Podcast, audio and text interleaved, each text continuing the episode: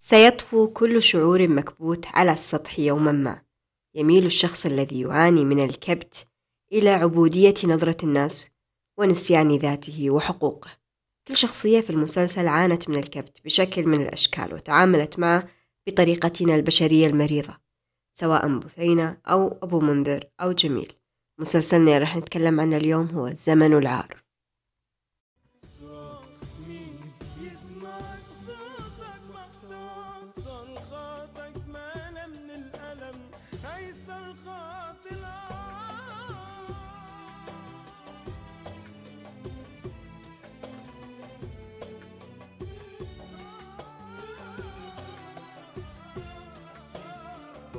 زمن العار مسلسل يخدع يعني في المرة الأولى اللي تشوفه تحط الذنب كله على بثينة.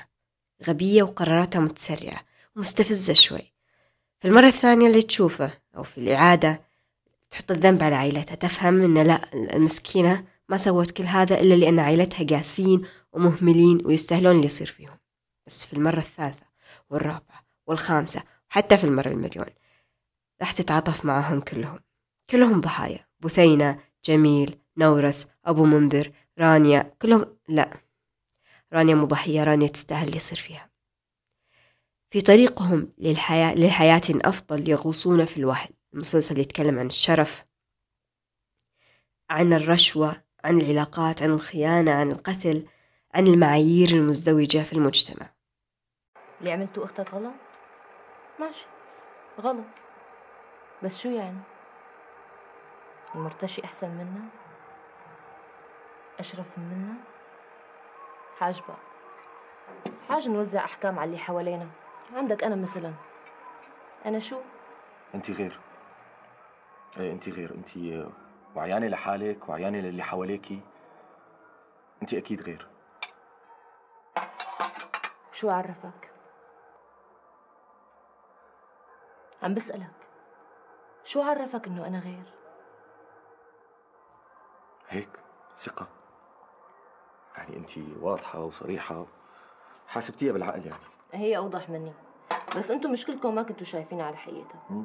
مثل ما سمعتوا في الحوار آه، نورس يشتكي الروضة صديقته من أخته وكيف إنها فضحتهم وحطت روسهم بالأرض ولما سوت صديقته مقارنة بين وضعها وبين وضع بثينة قال لها لا لا أنت غير أنا واثق فيك أنت ما بتغلطي. شخصية مريضة كيف ما بتغلط؟ كيف يعني؟ وحدة مرتشية وسمحت لها يزورها يزورها بأي وقت في بيتها. يثق أنها ما تغلط في حين إن اختها اللي بمثابة أمه ما يثق فيها وهذا خيط من خيوط معاناة بثينة يمكن الحوار هذا يشرح لكم. كيف إن ما حد يثق في صلاحها ومستنينها على الغلطة؟ إبراهيم الكوني يقول نحن بالسجية أميل لنسيان الخير منا لنسيان الشر. وهذا اللي صار البثينة اللي تطوعت بكل حب الاهتمام بعيلتها بعد مرض أمها لمدة 11 سنة 11 سنة وهي تخدم في عيلتها بكل حب. هذا التطوع بحكم التعود تحول إلى واجب والواجب لا امتنان له مجبرة تسوي كل هذا. طبعا كل الخير اللي سوته نسوه وتذكروا لها الغلط الوحيد اللي سوته الغلط اللي هم وصلوها له. أهلها ما كان من مصلحتهم أنها تتزوج وتترك البيت عشان كذا حرصوا كل الحرص على ربطها بأمهم. هي الوحيدة اللي تعطيها الدواء. حتى لما تجيها النوبات الكل ينادي بثينة تعالي أعطي أمي الدواء. كل واحد فيهم مشتغل بحياته منذر وزوجته يحاولون يشترون بيت. نورس يجمع فلوس من رشاوى المراجعين. رانيا من مرقص للثاني مع حبيب القلب وأبو منذر تفرغ الحياة بعد التقاعد. إن فن تراجيديا يجعل من الإدانة السهلة أمرا مستحيلا. لما نسمع قصص من الواقع زي قصة بثينة نميل دائما للحكم السريع للحكم القاسي نوعا ما. بس لما تطلع لنا أعمال درامية نفس زمن العار نصير نتعاطف مع الكل نسمع صوت الضحية أوضح نحكم عليها بشكل إنساني. وهذا سحر الدراما. بثينة في حوار لها مع صباح صديقتها قالت لها لو ما سكنتي بالعمارة اللي قدامنا ما كان عرفت شكل الشارع ولا شفته. ما كان لها أي متنفس بعيد عن مسؤوليات عائلتها إلا بيت صديقتها صباح اللي تعيش حلمها متزوجة وعندها بنت وزوجها على ما يبدو حايفها خوف دائما تشوف صور زواجهم وتتخيل لو أنها هي العروس هي الأم لهالبيت لكن ما عمرها تخيلت جميل زوجها. لأنها تعتبر صباح أختها. ولفرق الشخصية بين صباح وبثينة. صباح قوية. بثينة مثل ما مبينين لنا في المسلسل إنها ضعيفة. هي مو ضعيفة هي بس ما عندها خبرة في التعامل في الحياة. محصورة دايما في البيت. فطلعت كذا هشة.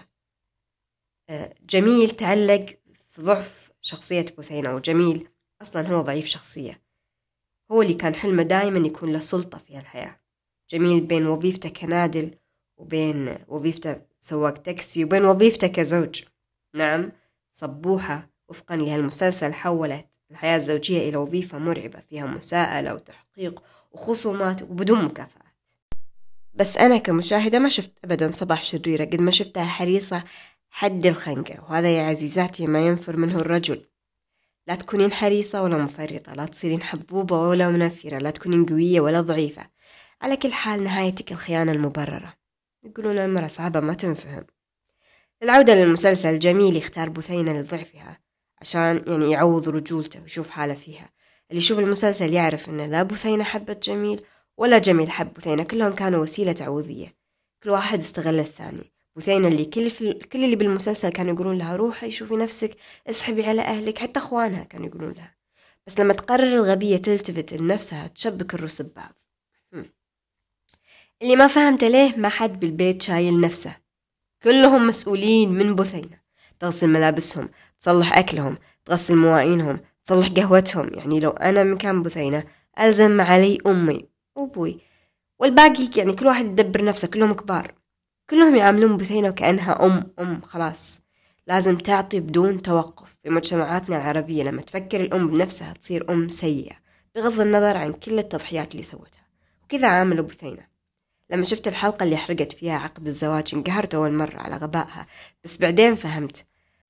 هي أصلا كانت بتطوي الصفحة للآخر بتنسى جميل وبيت الحارة عشان صديقتها صباح. اللي حست إنها ظلمتها والصراحة صباح كانت تهبل معاها ما تستاهل الخيانة. والخيانة فعل يستلزم اثنين لازم اللوم يتوجه للاثنين بدل ما تاكل الصديقة لحالها والمضحك المبكي إن هالفعل صار بالواقع. من تيم حسن لما خان زوجته ديما بياع مع صديقتها نسرين طافش طلعت ديما بياع ولامت نسرين وحطت اللوم كله عليها والناس إلى الآن تعاير نسرين وتنبذها. بينما الشق الآخر تيم حسن تغاضى الكل عن فعلته بالعكس الحين يكافئ بكونه الزوج المثالي مع وفاء. نرجع للمسلسل. لما قررت بثينة تطوي صفحة جميل للأبد طلع لها المطب المرعب الحمل. يعني في الحلقة الأولى بثينة كانت كانوا يقولون بثينة كبيرة واحتمال ما تجيب عيال لو تزوجت الحين والحمل على كبر صعب بس المفاجأة أنها تحمل. هذا دايما يفاجئني ليه الحمل في العلاقات المحرمة سهل وسريع جدا؟ بس في الزواج ممكن يكون صعب ومتعب وأحيانا ما في يعني. ولما علمت جميل بخبر الحمل انبطت الفقاعة اللي كان عايش فيها. طلعت شخصيته الحقيقية. طلعت شخصيته الحقيقية ابن جبان وخواف ومو مسؤول. وعلى طول سألها من مين مع إنه واثق ومتأكد إنها ما طلعت مع أحد غيره. تدور الأحداث في بثينة واللي يقهر ويضحك بنفس الوقت إن الأم كانت حاسة في بثينة بس كأنها عارفة كل شي عنها. ومفلتة رانيا اللي تروح من مرقص للثاني ومفلتة نورس اللي يرتشي بس بثينة نص نكبة بثينة يوقف معاها شخصين غريبين عنها. في حين أهلها ما دروا عنها. نورمان زوجة أخوها يوسف ويوسف بياع البسطة ويساعدونها بكل حب عشان تطلع من هالمصيبة بسلام. يوسف يعتبر أنبل شخصية في المسلسل ولأنه نبيل والشهم الدنيا تلطم فيه من كل جهة. بين طليقته اللي تبتزه عشان تأخذ المؤخر ومالك البيت اللي هدده بالطرد ولده اللي ترأس عصابة الحارة. على فكرة الولد اللي يمثل دور سامر ياكل القلب. أم يوسف هي مثال للجدة. أبد منى واصف ما تتعب بالدور هذا. تلقائي وطيب دايما. مثلته في أسعد الوراء مثلته في الولادة من الخاسرة. ما تتعب أبدا في الدور هذا. فزعتها مع حفيدها لما يطقوا يطقوا أبوه وتقول له يا ولدي أطقهم عشان ما يكرهونك. في مشهد كانت يعني كان يوسف جاي بيضرب ولده ولما وقفت له أمه قالت قال يعني شلون تبيني أعاقبه؟ يعني أمنعه يروح ديزني لاند ولا أحرمه من المصروف. أنا ما عندي وسيلة أعاقبه فيها إلا الضرب. والجملة حقيقية مرة. يوسف ورغم أنه يحتاج كل قرش بس يوم جتها غريبة وحالتها تكسر القلب اللي هي بثينة عطاها نص راس ماله بدون أي ضمان وقال لها حتى بدون ما يسألها عن قصتها وقال لها أنا متأكد إنك بترجعينهم لي. ونورمان اللي كانت بثينة تنقهر منها وعلى أي شيء تستفز يعني يستفزها أي شيء تسويه. قامت مع بثينة وساعدتها ودورت ولقيت لها عيادة وساعدتها تجهض ودفعت نص الفلوس وكانت صاينة سرها إلى الآخر. لو ما طاحت بثينة بجميل. ما كانت تعرفت على يوسف. يوسف هو مكافأة بثينة على اهتمامها بأمها حقيقة وبثينة هي مكافأة يوسف على صبره. بس لو تزوجوا. رانيا أخت بثينة هي أكثر شخصية استفزتني في المسلسل يا الله. ولما حزنت أو لما الدنيا أو لما المسلسل دار وخلاها بعد تاكل هم أو حملها مسؤولية آه، أحداث في المسلسل وانهارت ما كسرت خاطري أبد. حسيتها تستاهل لأنها كانت أنانية مع بثينة وحقيرة خصوصا في الحلقة اللي لما أبو, أبو بثينة ضرب بثينة لأنها تأخرت برا البيت. جت بدال ما تهدي أختها وتوقف معها قالت لها الحين بقيت لك تتأخرين؟ لما قررنا نسهر أنا و مدري اسم حبيبها. لما قرر يسهرها بمرقص يعني ما أبغى أشتم. شخصيتها كانت مستفزة بشكل والله ما تعاطفت معها. من بداية الحلقة لنهاية المسلسل ما تعاطفت معها. على العكس أبو منذر رجل أفنى حياته بشغله. في وظيفة حكومية حاول يكون إنسان صالح. وربى عياله على هالمبدأ لكن مرض زوجته استنزف كل طاقته. وصلاحه حاول قد ما يقدر يصون العشرة مع منذر بس لما تقاعد بان له نقصة في كل شيء في الفلوس في الراحة. ولما قرر يعوض عن نفسه ويبيع بيته ويشتري البيوت صغيرة يوزعها على عياله طلع له سمسار يشم المال السهل. ومصطلح المال السهل أي أي مال يجي بطريقة ما يتعب فيها. وهذا اللي صار مع حسان. استغل وضع أبو منذر وأخذ نص المبلغ والنص الثاني عطاه لخالته اللي جت على الريحة. سهيلة سمر سامي مثلت بكل هدوء. دورها رهيب بس لو فكتنا من باروكتها البرتقالية. لما طلعت لأبو منذر انفجر الكبت اللي كان يمارسه على نفسه. ما عاد يهتم برأي الناس أو حتى صلاحه الظاهري ولا عاد يهتم الوفاء مع زوجته المريضة. قرر أنا ومن بعدي الطوفان. ولأنه ما كان يقصد يسبب أزمة الرب والأم منذر لكنه ما ساعدها. المشهد كان, كان اللي كان يصارع في نفسه بين إنه يساعدها أو لا بين إنه يقعد في البيت أو يطلع بين إنه يسوي نفسه نايم أو يستنى عياله. كان مشهد شد أعصاب. رغم إنه ما قتلها المرة الثانية أقول إلا إنه تحمل ذنب موته والوحيدة اللي عرفت باللي صار كله هي بثينة بعد العزاء يخترق حقل الألغام. قنبلة حمل بثينة تنفجر. قنبلة زواج أبو منذر من سهيلة اللي مشكوك في أخلاقها تنفجر. قنبلة قتل أبو منذر لزوجته أم منذر تنفجر. ودموع عيني تتضامن مع القنابل نجي لشخصيات نورس. يا الله قد أبدع فيها مكسيم خليل للأمانة. كل الشخصيات كانت متقنة.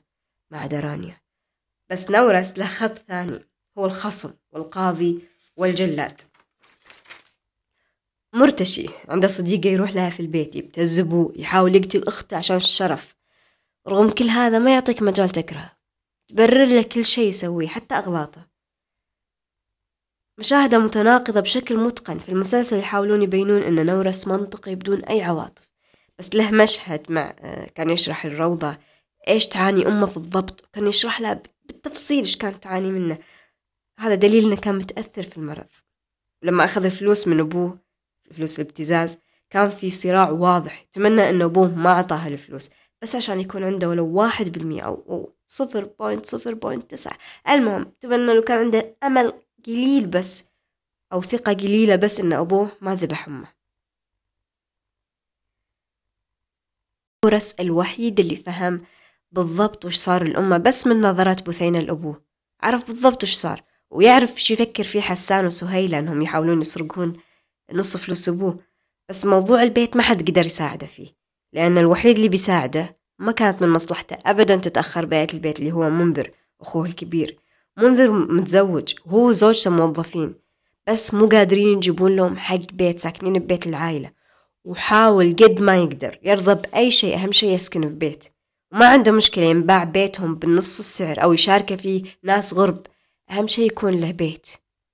منذر يشبه يشبه بثينة يعني كثير يشبه بثينة ومرة طيب مثلها. وبانت شخصيته الحقيقية بآخر الحلقات لما كان لما قعد يوم كامل يدورها وترك عزا أمه. قال طيب خلاص أختي غلطت خلاص نحكم عليها بالموت. يعني كان شايل همها شو مقعدها برا. هو الوحيد اللي كان ضد إنهم يجيبونها عشان يقتلونها. المسلسل تكلم بعد عن نقطة مرة مهمة بالنسبة لي عن معاناة أسرة المريض وكيف أن المريض أو المرض يحول الكل كيف أنه يستنزف الحب والاهتمام ويتحول الحب والاهتمام إلى إلى واجب متعب. في رواية زهايمر الغازي قصيبي الله يرحمه قال الشفقة التي يعتمد عليها أسرة المريض في مساعدته هي عاطفة رقيقة جدا بسهولة ممكن تتحول إلى كره. المريض تدريجيا يتحول لشخص ثاني ما له أي علاقة فيك. في, في, في زمن العار الأم كانت بوعيها لكنها كانت عاجزة عن تقديم أدنى مساعدة أو حماية. أو حتى عقاب لعيالها. كانت تسمع وبس مستثناة من كل حدث يخص عائلتها.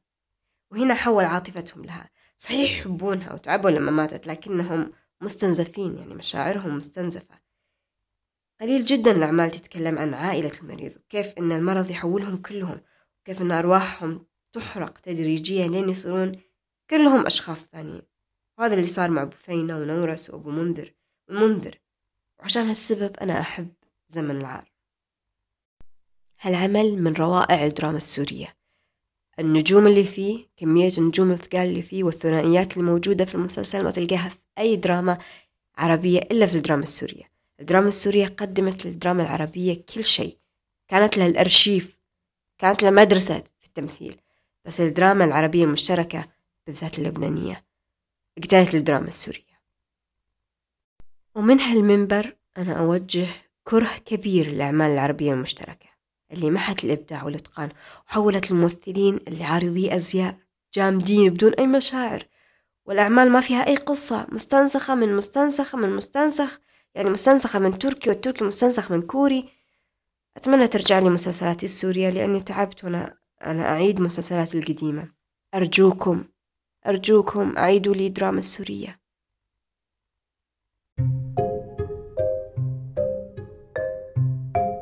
وهذه كانت الحلقة الخامسة من بودكاست شاي ودراما. نتكلم فيها عن المسلسلات والأفلام والكتب وأحيانا الموسيقى. أتمنى أنكم استمتعتوا فيها وأتمنى أنكم تسمعون الحلقات السابقة وتكتبون تعليقاتكم.